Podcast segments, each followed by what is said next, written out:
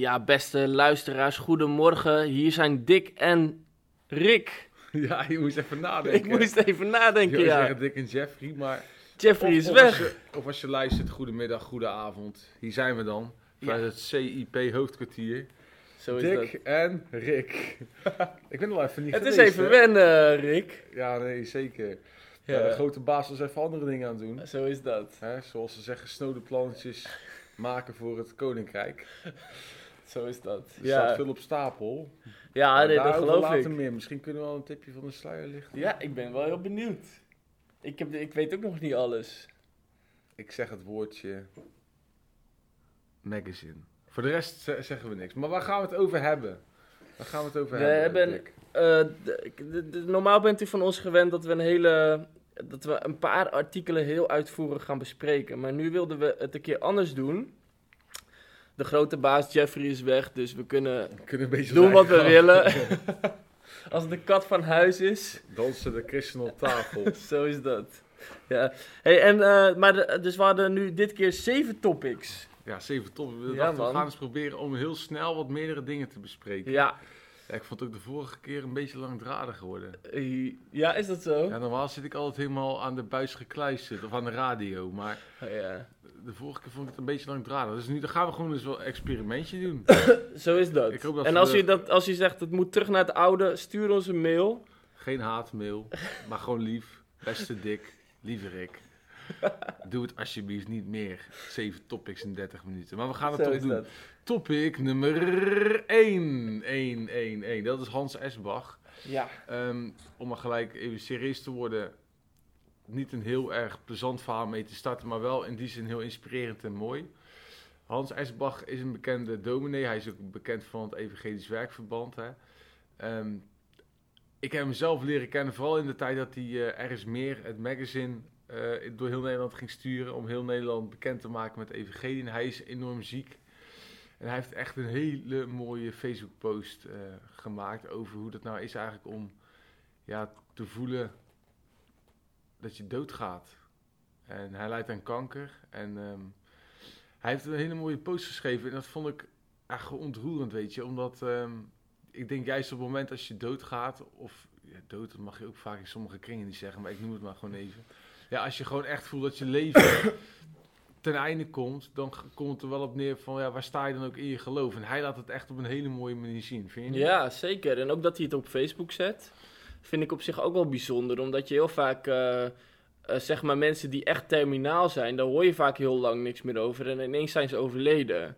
Maar bij Hans Esbach is dat toch wel heel anders, zeg maar. Dat je toch ziet dat hij, eh, dat hij echt die die fases tot helemaal het einde, dat hij, dat, dat hij daar gewoon zo openhartig over spreekt.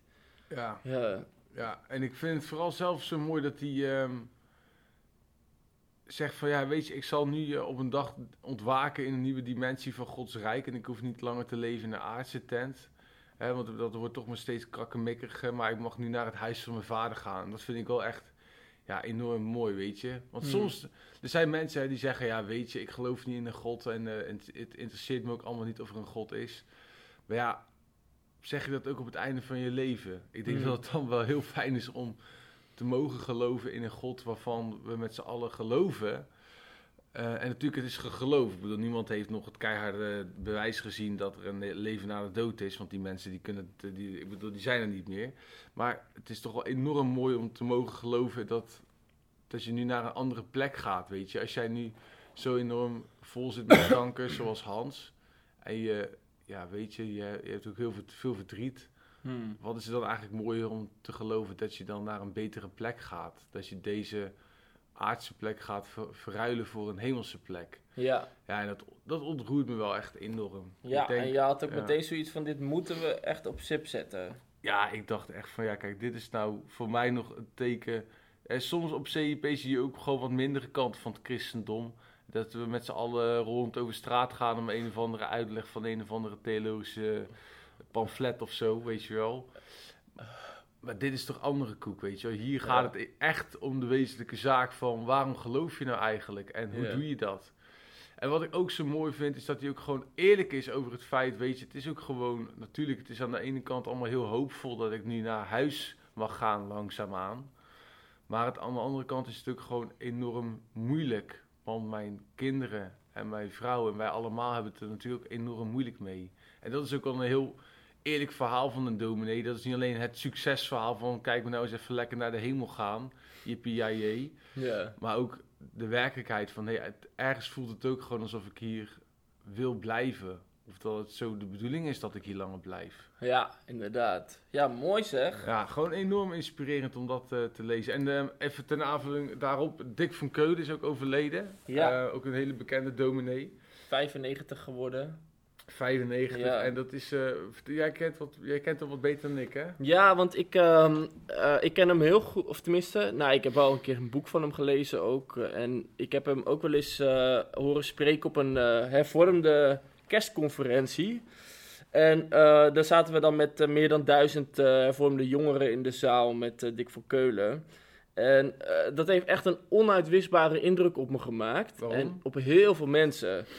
Want hij eh, focuste op hele andere dingen, zeg maar, dan wat je altijd hoorde. Eh, Wat eh, hoor je dan normaal? nou, hij zei dus van... Nee, wat hoor je normaal? Nou, normaal is het... hoor je toch vaak van... zeg maar, de, de, de kracht van, van wie God is, op, hier op aarde, is vaak toch een beetje klein, wordt klein gemaakt. Dus het wordt heel erg gedaan van hier na dit leven, dan zal het volledig eh, tot bloei komen allemaal. Maar hier op aarde hoeven we niet al te veel eh, goeds te verwachten, zeg maar. En hij had een heel ander perspectief. Hij legde de vraag voor van wat God straks voor je klaar heeft liggen, ehm, zou hij daar ook niet nu al van willen geven, zeg maar. Dus wat we hier na dit leven in de hemel zullen krijgen, kunnen we dat niet ook hier op aarde al voor een deel krijgen? Ja, ook wel Dus- echt wel, ook wel mooi, want heel vaak is het inderdaad wel een beetje zo van... Ja, weet je, alleen pas als je net zoals Hans, die komt nu helaas te overlijden, Ja, binnenkort... Is het toch vaak zo van, ja, nee, alleen het doodgaan is eigenlijk het beste? Klopt. Want ja, wat dan, dan ga je toch naar de hemel en daar is geen ellende en geen verdriet ja een meer. soort ontsnapping. En er wordt toch een beetje gedaan alsof dit hele leven dan maar gewoon een soort, ja, het doet er niet toe of zo. Ik Klopt. weet niet. je ja, hoeft het ook niet klopt. serieus te nemen. Ja, dat dan weer wel, weet je wel. Maar uiteindelijk, het doet er niet echt toe. Dat is toch het adagium. En ik vond het altijd triest, weet je. Vroeger zat ik ook wel eens bij dominees thuis, bij predikanten. En dan hoorde ik toch bijna in ieder interview eh, ongeveer, eh, ongeveer dit.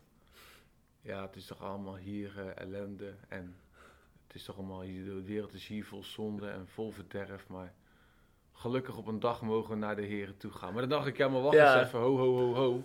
Eh, moeten we dan doodgaan om hier het naar ons zin te hebben op aarde, weet je wel?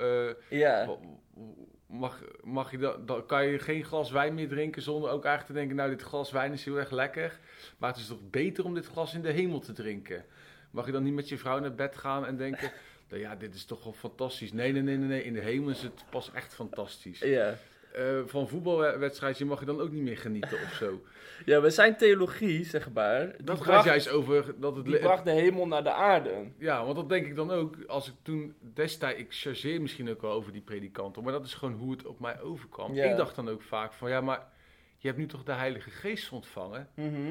Ja, Dus- en dat was voor mij was dat ook echt heel lang een soort van zoektocht. Of een beetje een raadsel van eh, waarom lijkt, zeg maar, eh, als je zeg maar op zoek gaat naar God en de liefde van God, waarom lijkt dat soort maar een waakvlammetje te zijn? Terwijl de liefde die je uit zonde haalde, was echt een enorme fakkel, zeg maar. Dus je had echt zoiets van, Liefde uit zonde? ja, dus bijvoorbeeld, eh, nou laat ik het even een beetje, eh, ik hoop dat de mensen dit aankunnen, maar stel dat je bijvoorbeeld porno kijkt of zo, dan heb je, stel dat je bijvoorbeeld, je komt uit je werk en je voelt je super down, zeg maar, en je hebt, of een beetje, beetje zo, en dan ga je bijvoorbeeld, dan denk je toch van, hoe ga ik dit opvullen, wat, wat ga ik nu doen? Mhm. Dan is het toch verleidelijker om, eh, om bijvoorbeeld porno te gaan kijken of om andere dingen te doen. Dan om bijvoorbeeld eh, te gaan bidden of zo, zeg maar. Dus dat was heel lang mijn perspectief. Van, van, van ook bijvoorbeeld uitgaan, drinken, die extase die je daarvan krijgt, zeg maar, was zo groot vergeleken bij dat kleine beetje geluk wat ik uit mijn geloof haalde. Dat ik dacht van, hè, maar hoe kan dat? Want God is toch heel groot en het, zou eigenlijk, het zou eigenlijk andersom moeten Precies. En dat was dus een. eh, en dat zeg ik dus met, met dominee van Keulen. Dat, eh, dat hij zei dus van. Wij kennen de volle kracht van wat er in de hemel voor ons beschikbaar is. kennen we niet, zeg maar. Wat op deze aarde eh, voor ons beschikbaar is. Mhm. Dus, zeg maar, dus... En dat is uiteindelijk bij mij een perspectief geworden. Dat, zeg maar, ook als de zonde, zeg maar, een fakkel zou zijn... eh, dat God, zeg maar, een, nog veel groter vuur kan geven dan... eh, dan al die boezemzondes bij elkaar, zeg maar. Ja. En dat is de kracht van de Heilige Geest. Dat als je echt volledig benut van wat er voor je klaar ligt. eh, dat was de les van Van Keulen. Dan zul je ook veel minder te worstelen hebben met bepaalde zondes. Omdat de kracht die je uit je geloof haalt, uit Jezus haalt, uit de Heilige Geest haalt, veel groter is dan die je bijvoorbeeld haalt uit allerlei, eh, weet ik veel wat, flikvlooien met je, met je vriendinnetjes of weet ik veel Ja. wat, weet je. Dus En dat wat, was... ik, wat ik hier ook veel meer uithaal is ook dat... Ik, ik dacht dus ook vroeger van ja, weet je, moet ik dan echt doodgaan om God echt te ervaren of zo? Om het echt Ja. naar mijn zin te hebben of zo, weet je? Maar toen dacht ik, ja, weet je, als je naar God gaat in de hemel, net zoals Hans het nu... Kijk, natuurlijk is er een verschil als die hemel er echt is... tussen in de hemel zijn of hier op aarde zijn en God ervaren. Hm. Maar toch kun je je afvragen. Oké, misschien in de hemel. eh, hè, iedereen kent het beeld wel van. eh, we gaan naar de hemel, groot licht, eh, vo- volkomen fantastische wereld. Oké, natuurlijk, dat snappen we allemaal. Maar je kunt ook denken: hé, hey, misschien wil die hemel nu al in mijn leven komen. Mhm. Want als God mij vervult met de Heilige Geest, dan ben ik vervol- volgens mij ook vervuld met de hemel. Zo is dat, ja. Dus dan hoef ik niet per se eh, dood te gaan of zo. eh, of zoals moslimterroristen doen, mezelf op te blazen. ja. Om God te ervaren. Want die hemel die is nu in die zin al in mijn leven. Want Klopt. als ik God heb in mijn leven, heb ik ook de hemel in mijn leven. ja. En ik denk dat dat wel een heel groot verschil maakt. Want het is toch ergens, vind ik het diep triest. Echt diep, diep, diep triest. ehm, als we als christenen zo moeten leven.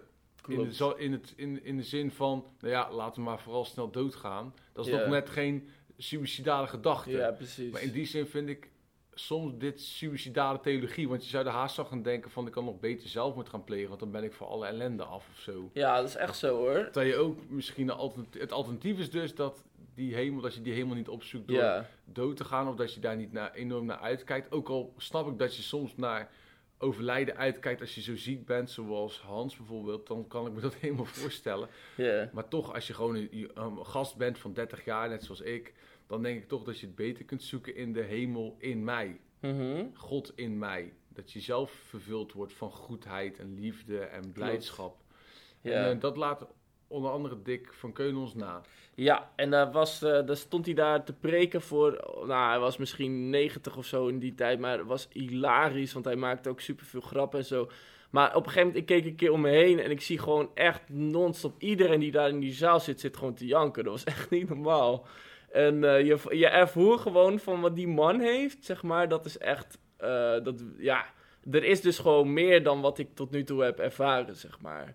Dus dat was echt een, heeft, ja, die man heeft echt indruk gemaakt. Ja, en, mooi. eh, en wat ik ook wel tot, tot slot mooi vind aan ehm, wat ook het ND eh, schreef over hem, is dat hij een jarenlang, zo schrij- omschre- omschreef hij zichzelf, een jarenlang een barde, harde dominee was, hè, die wel allemaal heel veel boeken las, hè, die ook voor zijn hele grote boekenkast zat, ja. gevuld met de beste theologie des werelds, maar die tegelijkertijd God eigenlijk helemaal niet persoonlijk kende.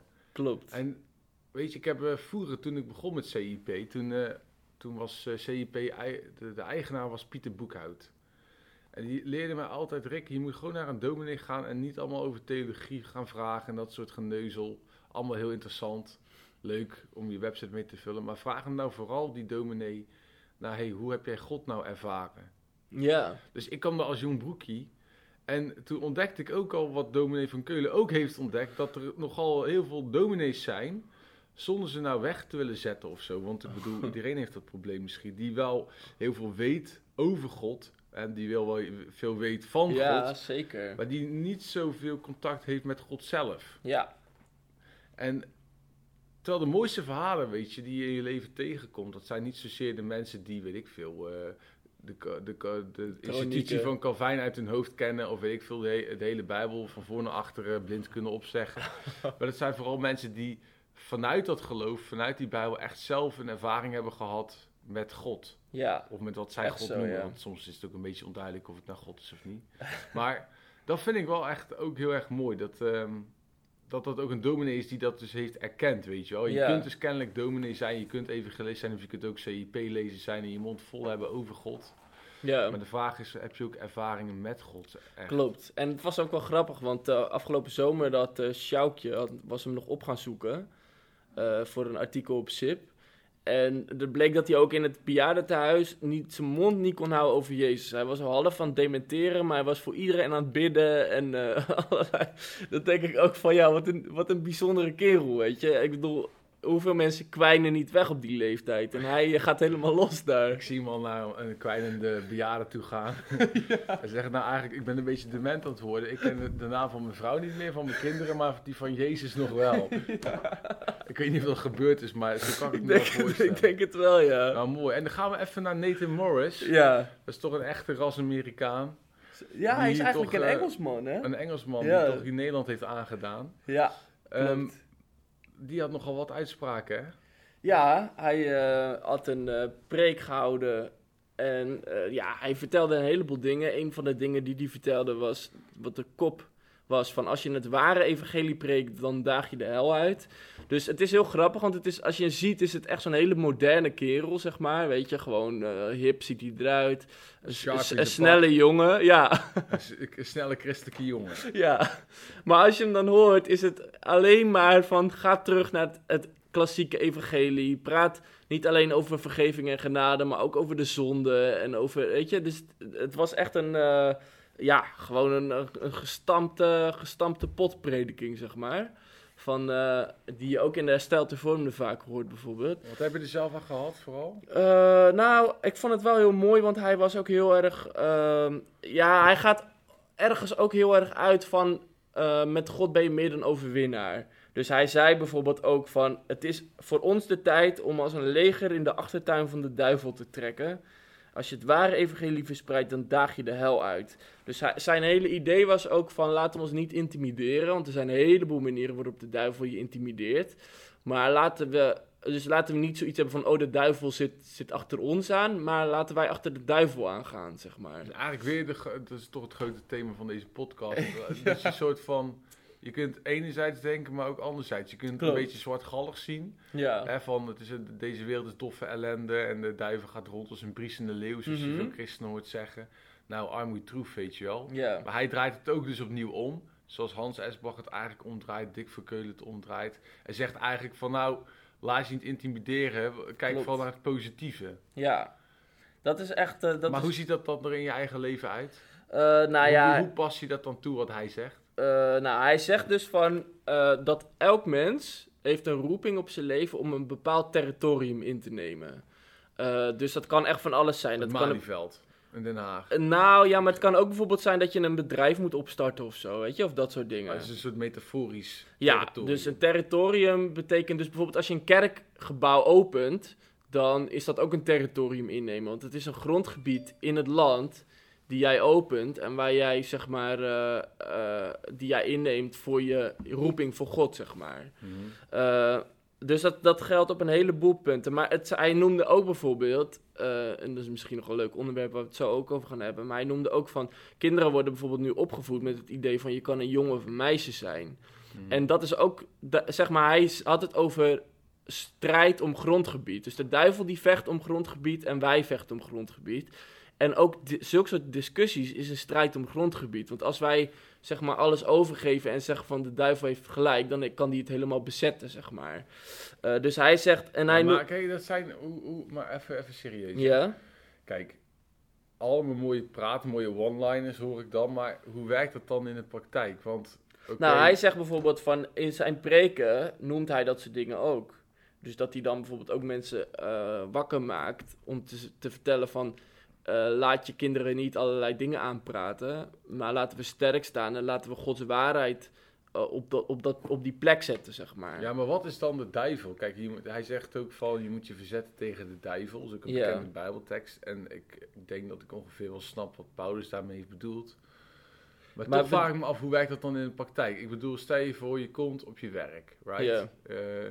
Laat even zeggen, je bij een accountantskantoor werkt, je bent accountant. Mhm. En dan moet jij van Nathan moet je je eh, niet laten inpalmen door de duivel, maar moet jij ehm, de Ja, duivel dat- overwinnen. Ja, hoe heeft- werkt dat dan? Ik bedoel, allemaal geestelijke Kijk, praat stel, nee, maar kijk, stel dat jij bijvoorbeeld... eh, Maar rustig maar, je hoeft niet aangevallen te voelen. Maar, Wat? Ik voel me helemaal niet nee, maar hoe Nee. werkt dat dan als je Nou. gewoon op je werk bent bijvoorbeeld? Stel, jij hebt zeg maar bijvoorbeeld met... eh, God heeft via iemand anders of persoonlijk tegen jou gesproken van...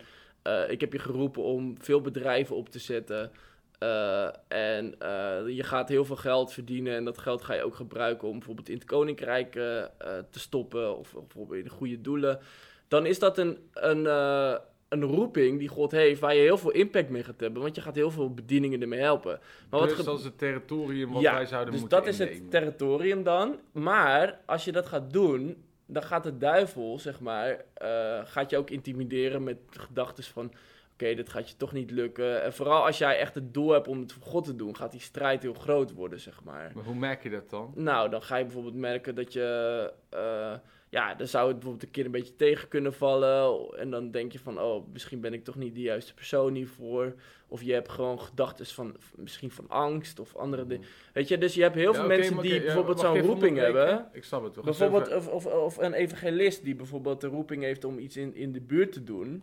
Om daar echt mensen tot geloof te zien komen. Maar dan gaat er ook heel veel strijd komen, zeg maar. Dat is heel erg zijn punt. Ja, oké. alleen wat ik dan interessant vind, Mhm. is als ik gewoon naar mijn ongelovige vrienden kijk, hè, die ook, hebben ook een roeping. Alleen die hebben die roeping niet van God, die hebben gewoon zelf het idee om eh, misschien eh tien bedrijven op te zetten. Ja. Dus die ervaren dat niet als een roeping van God, terwijl ze wel ongeveer hetzelfde willen gaan doen Mhm. in de, in de praktijk. Nou, als die dan weerstand krijgen, dan noemen zij het geen duivel. Het is gewoon, weet ik veel, je psychologische ik, eh, je kritische ik, zoals dat in de psychologie noemen, die dan kritiek heeft. Dus het lijkt mij wel zelf heel lastig te onderscheiden van ja, wanneer moet je het nou als een, een- als een soort van geestelijke macht, de duivel zien? Mhm. En wanneer moet je nou bijvoorbeeld tegenslag of weet je, gewoon wat moeite die je ervaart, gewoon interpreteren als, hey, this, that's life, weet je wel. Ja. Ja, dat snap ik op Dat vind zich ik wel, wel. dit soort verhalen vind ik het altijd wel heel mooi, die ferme taal. Maar ik vraag me altijd af, ja, wanneer moet je nou een soort van de duivel erachter zoeken en wanneer is het gewoon, joh, eh, er stond gewoon vanmorgen file. Er zat Mhm. even geen geestelijke macht achter die wilde Ja, voorkomen dat wij het. deze podcast gingen maken of ja, zo, snap ja. je? Ja, ja ik, ik, ik, ik snap ergens wat je bedoelt. Ik denk ook wel dat, dat, eh, eh, dat daar een kern van waarheid in zit. En ehm, ja, voor mij vind ik het heel lastig, omdat ik wel heel vaak verhalen hoor van mensen die het op die manier wel zien. En ik snap ook wel dat andere mensen misschien heel veel talent ervoor hebben of, en ook een beetje geluk. En waardoor het allemaal heel makkelijk gaat. Maar Ja, want als je voor je gaat dan die bedrijven oprichten, want dat heb ik ook vaak meegemaakt, Dick, is dat dan mensen die beginnen met zo'n groot verhaal, van ik heb een grote roeping en eh, weet ik veel. Mhm. Eh, God wil dat ik eh, tien bedrijven op ga zetten. En dat ik veel geld ga verdienen. Daar ga ik veel goeds mee doen. Ik koop niet alleen een Jaguar ervan. Maar ook, ik maak ook wat moois over naar goede doelen. Mhm. Wordt een daad of zo. Of Zoa of Doorkas. Maar als, uiteindelijk dan niet, als het dan uiteindelijk niet gebeurt, dan zeggen ze niet van ja, de duivel die zat erachter en die heeft. Dan, dan trekken ze niet de lijn door Ja. van nou heeft de duivel gewonnen, want het is me niet gelukt ja, ik dat vind mensen ook altijd wel een beetje selectief als het gaat van om geestelijke strijd. Oh, ja. Als ze overwinnen, dan hebben ze opeens een strijd gevoerd met de duivel en hebben ze overwonnen. Maar als het ze niet lukt, dan is het, ja, hebben ze gewoon toch Gods stem misschien verkeerd Ja. verstaan. Maar dat vind ik altijd wel interessant. Ja, nee, ik snap wat je bedoelt. Maar misschien is het is het, het beste. eh, kijk, bedrijven, daar zit ik ook niet zo heel erg in, omdat ik het zelf ook niet. Ja, nee, Maar als ik- niet even een voorbeeld. Nee, maar ik begrijp heel goed. Dingen. Ja, maar als ik bijvoorbeeld. Kijk, stel dat jij. Ik denk dat heel veel mensen hebben, kennen wel het voorbeeld van. Oké, je hebt misschien eh, in je begindagen. Het was je heel erg enthousiast over het geloof. En je bent bijvoorbeeld misschien met je buurman erover gaan praten. En die reageerde zo negatief. Dat je daardoor dacht van oké, laat ik maar gewoon stoppen. Want eh, mensen zijn toch niet geïnteresseerd. En dan stop je ermee, zeg maar. Mhm. Terwijl hij zoiets heeft van: oké, dat, dat kan geestelijke strijd zijn, maar je moet doorzetten en doorgaan en dat territorium van jouw buurt. Ja, eh, en zeg maar dus niet- innemen. ja, want dat vond ik wel heel erg mooi. Dus om toch maar even tot een mooi eh, punt te komen. Ja, ik vind het wel mooi dat hij dus heel positief kijkt naar het evangelie en naar de boodschap van het geloof. Ja, Hij is geen doemdenker, hè? wel Klopt. in de zin van hij vindt wel dat de, de krachten van de duisternis, zoals hij dat zelf noemt, de duivel of eh, misschien een atheïst noemt het het kwaad, Mhm. dat is heel reëel. Maar hij zegt eigenlijk, laat je daar nou niet door kisten. klopt. En nooit eigenlijk als christen. Mhm. Ehm, want sowieso, jij bent groter dan die duisternis. Want want dat vond ik ook zo mooi. Dat als hij zegt, en schrijft... Ik heb nog met de podcast. Ja, zeker. Dus- Als hij zegt van, weet je, de, winkel, de wereld is donker, dan zegt hij ook... Maar, hey, hoe donkerder het wordt, hoe feller het licht schijnt. Klopt. En dat vind ik wel heel erg mooi. Ehm, want je kunt wel zeggen, ja, er is zo ontzettend veel duisternis in de wereld. En eh, nou ja, armoedtroef. Maar dan zegt hij letterlijk, dat heb ik al honderd keer gehoord, maar dan zeg ik prijs God, want hoe donkerder de stad, hoe groter de uitstorting van de Heilige Geest als God daar gaat werken. Ja. En dat is zo mooi. Ik vind dat, dat optimisme, hey, je kent me, dat vind ik mooi. Zo is dat. We hebben wel drie optimistische personen op een rij. Ja, nou gaan we even naar Jolanda. Ben je daar ook zo die- optimistisch over? Ikke. Ja, want eh Nathan Nou, Morris die, die ging daar ook even over eh, op door. Over dat het in deze wereld, zegt hij dan, eh, moet je haast zelf gaan kiezen of je nou een mannetje bent of een vrouwtje. Ja. Ja, nou ja, optimistisch. Ik ben niet, ja. Want eh, Jolanda, even ter inleiding, ehm, is een transgender pastor. Eh, zij heeft in eh, het AD verteld dat zij eerst Aad heette. En zij is, worstelde als christen ook al jarenlang met haar identiteit, zoals ze dat zelf zegt. Ze voelde zich feitelijk een vrouw in een mannenlichaam. En ehm, zij is nu bezig om niet alleen theologie te studeren, maar ook om de eerste praktiserende transgender pastor te worden. Oh?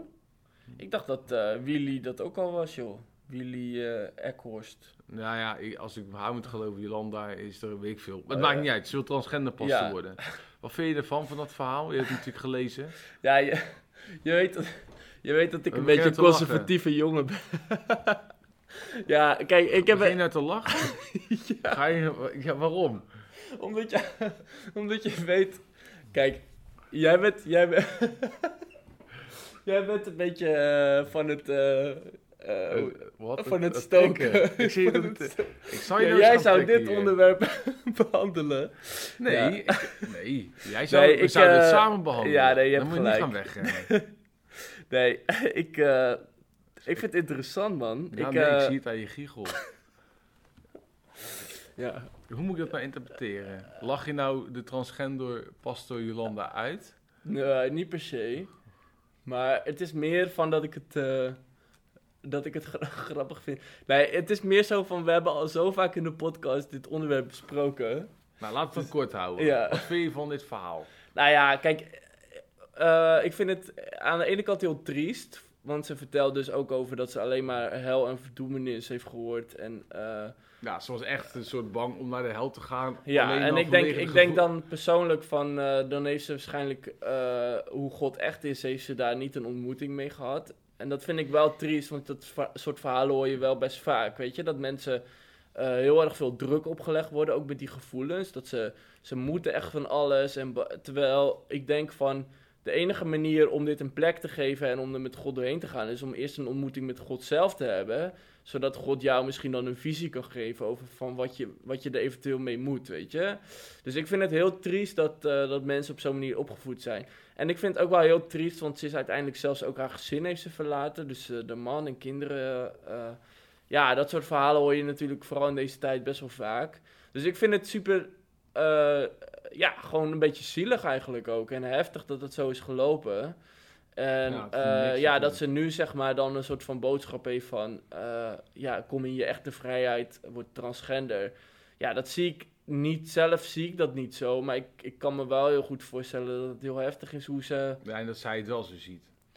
Ja, goed, maar daar ben ik het dan niet helemaal mee eens. Maar ik ben wel, ik vind wel heel erg, zeg maar, dat mensen uiteindelijk zo'n hoek ingedreven worden. Ja. ja, ik denk dat er altijd drie eh, krachten zijn die dan op zo'n persoon inspelen. De eerste is in dit geval God. Mhm.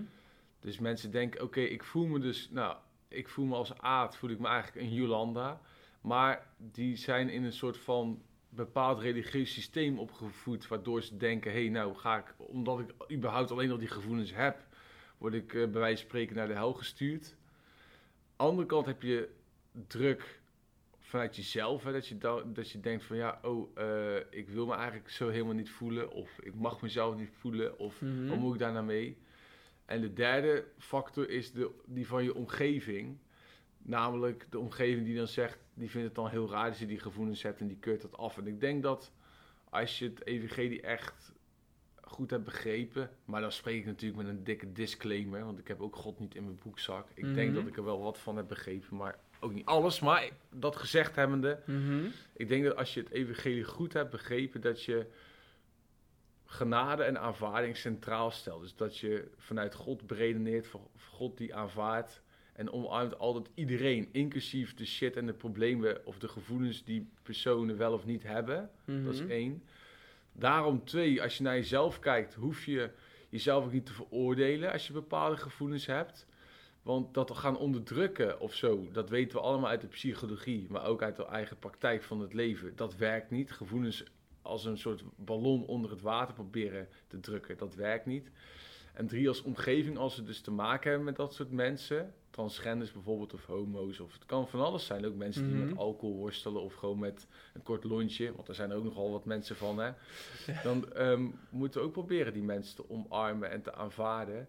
Ja. En ik ben zelf gewoon voorstander van mensen dan zelf hun eigen pad vervolgens laten kiezen. En in dit geval heeft ze ervoor gekozen om inderdaad ook iets te doen wat ook ergens een rauw randje en triest is. Want ja, het is natuurlijk niet niks om dan ook te gaan scheiden om die reden. Mhm. En om ook die kinderen voor een bepaald deel te verliezen.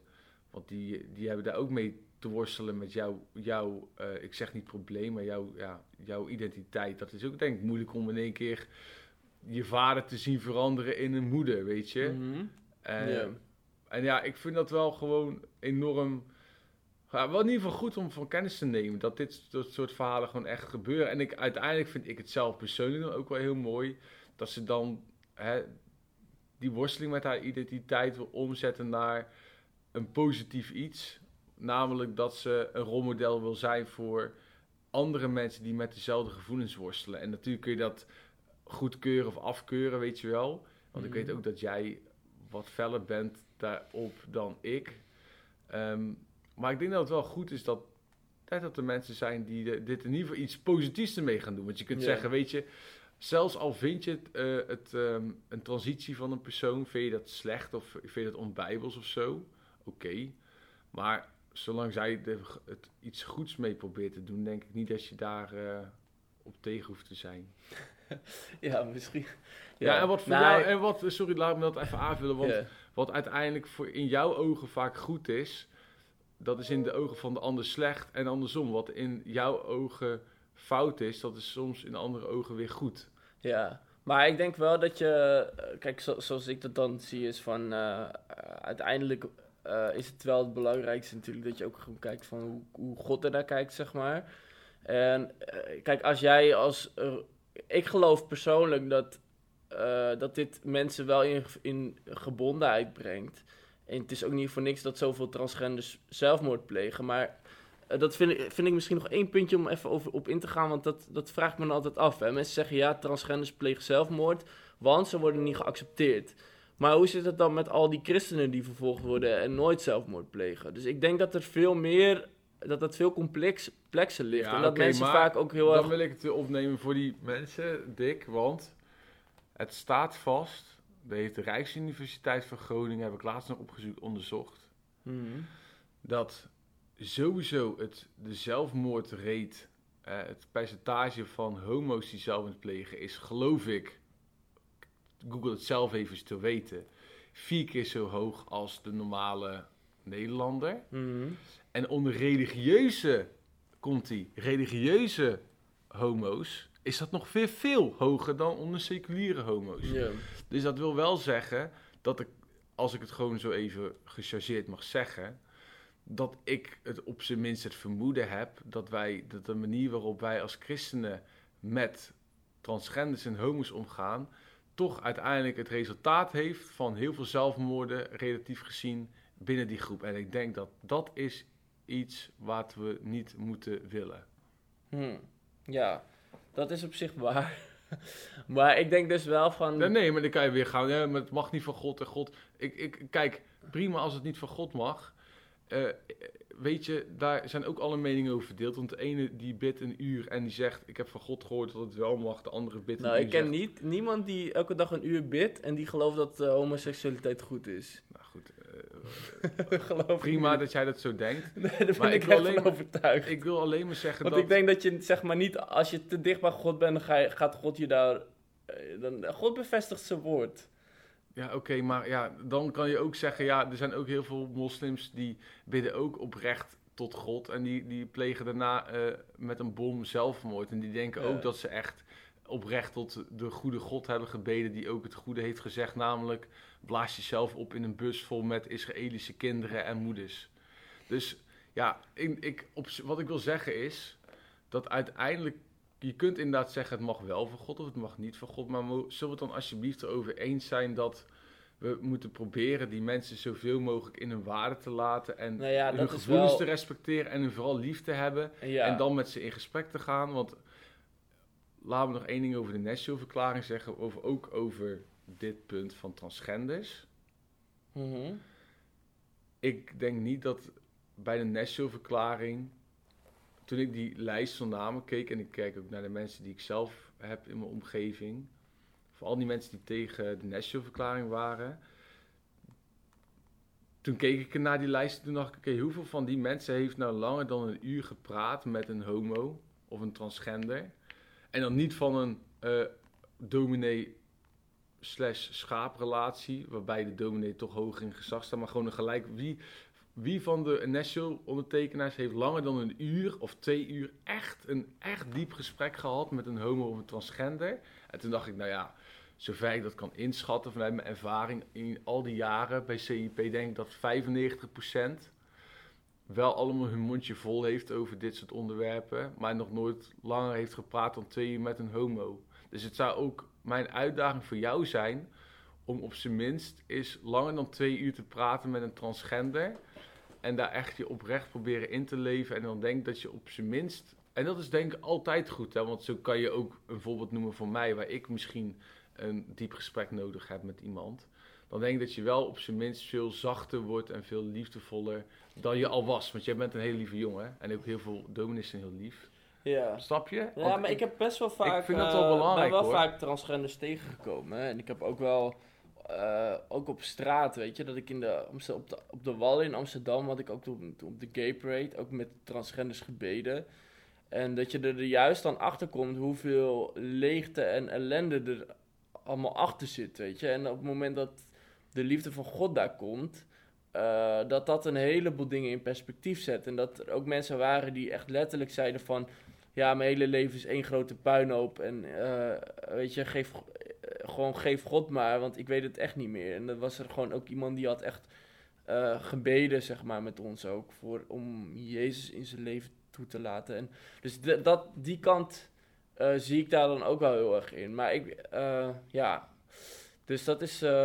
Maar zijn we het uiteindelijk over eens, denk je? Nou, goed. nee, dat wel. Dat, ehm, dat hoe die vrouw is opgevoed, of die man, over hel en verdoemenis en eigenlijk niet eens een persoonlijke relatie met God had of een ontmoeting met. Eh, je kan mensen niet buiten God om soort van dwingen in een keurslijf van dit of dat, weet je. je moet, iemand moet echt een ontmoeting hebben met God. En dat vind ik een voorwaarde. Ja, en dan gaan we nog naar het eh, laatste onderwerp. Dat is Willem Ouweneel over de vervangingstheologen die vervangen wat af. Zo is dat.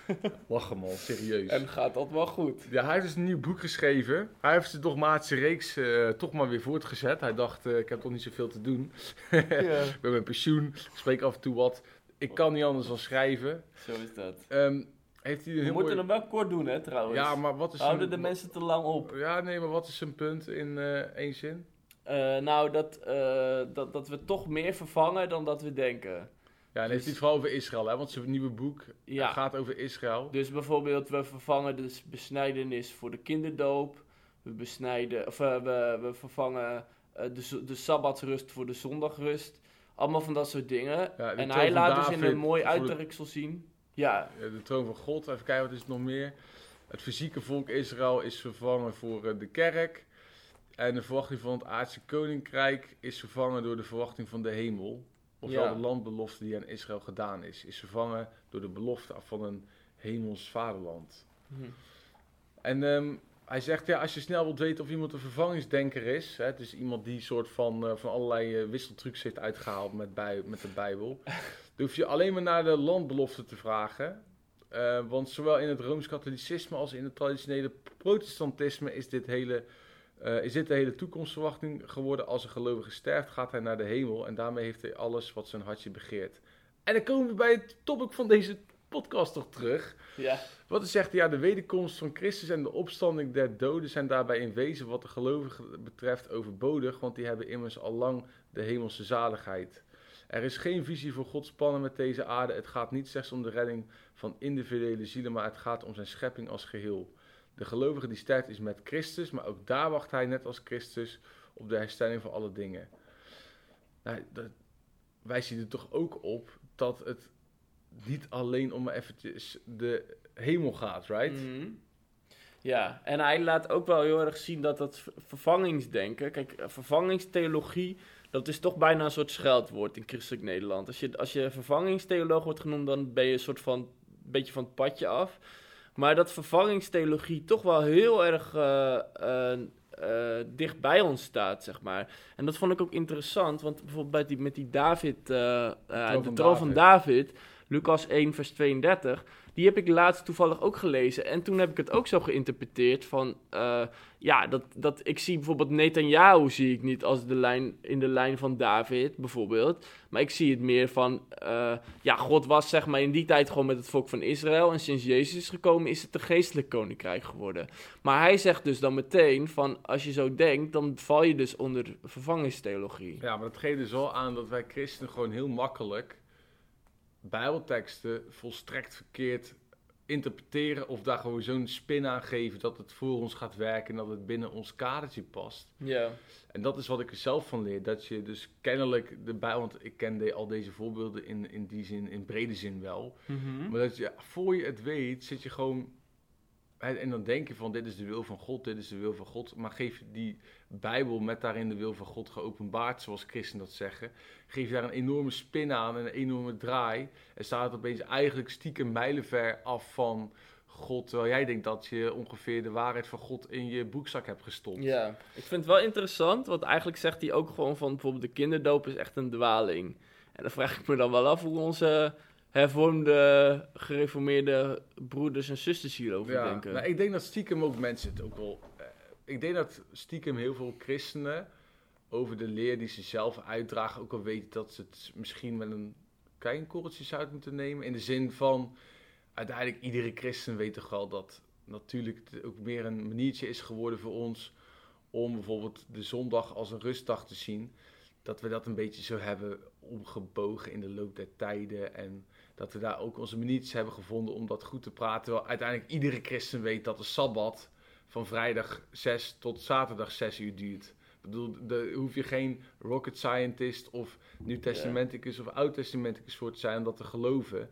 En ik denk dat ook iedereen wel snapt van de kinderdoop, dat ook christenen daar een spin aan hebben gegeven. Dat wil niet zeggen dat het niet meer waar is, maar ik denk dat onze lezers ook wel zo slim zijn dat ze ook wel weten dat we van allerlei dingen metaforen uit de Bijbel halen die we altijd ook een beetje moeten relativeren of opnieuw onder de loep moeten nemen zoals Ouweneel dat weer eens eventjes mooi heeft gedaan. Zo is dat. Toch? Ja, Nou, daar hebben we toch even eh, zeven onderwerpen doorheen gestampt, of Ja. zes. zes ja. Met Ouweneel, Nathan Morris, Dick van Keulen, Hans Esbach en de transgender pastor. En zoals altijd eh, is de meeste ophef toch over het onderwerp van transgenders en zo. Maar ik vond het een leuke podcast. Ik ook. Je zit altijd te glimlachen, daar ben ik wel blij om. Zeker. Ja. Ik hoop dat we toch weer een beetje vermaak en entertainment, maar ook diepgangende Zo inhoud is hebben dat. Dat is ook belangrijk. aan onze lezers. ja. En eh, vond je dit een leuke podcast? Word dan vooral CIP Plus lid, want er is niets, maar dan ook niets waar ons hart zo sneller van gaat kloppen als wanneer u zich aanmeldt voor een betalend lidmaatschap van 5 euro per maand. En Zo is de dat. voordeel daarvan, Dick, is dat het je leven Verrijkt en verdiept. ver- verdiept. ja, Zo is mooie dat. Dominee Dick. Ik, ik vind eigenlijk dat jij wel eens gewoon ook je eigen preek van Dick moet gaan houden. Gewoon dat we jou als spreker het land in moeten sturen. Nou, misschien kan je daar... eh, Je hebt ook zo'n mooi Hillsong jasje aan, zo'n hippe pastor jasje. Een leren jackie, Ja, pastor Dick. zou ik geweldig vinden. Mensen, boek mij. Ja, nou mooi zo. Als je Dick wil boeken, boek hem dan eh, via rec.sub.nl, want ik krijg 10% commissie op zijn sprekersvergoeding. maar Dick, je bent de meest enthousiaste christen die ik ken, dat weet je. Dat is mooi. Ik vind dat altijd zo geweldig aan je. Echt hoor. Dat is mooi. Maar eh, hij is ook, eh, eh, mag niet zeggen. Wat je, nee, want als je al die geestelijke avonturen, die bewaren voor de volgende keer. Bedankt voor het luisteren en tot de volgende keer. Doei. Doei.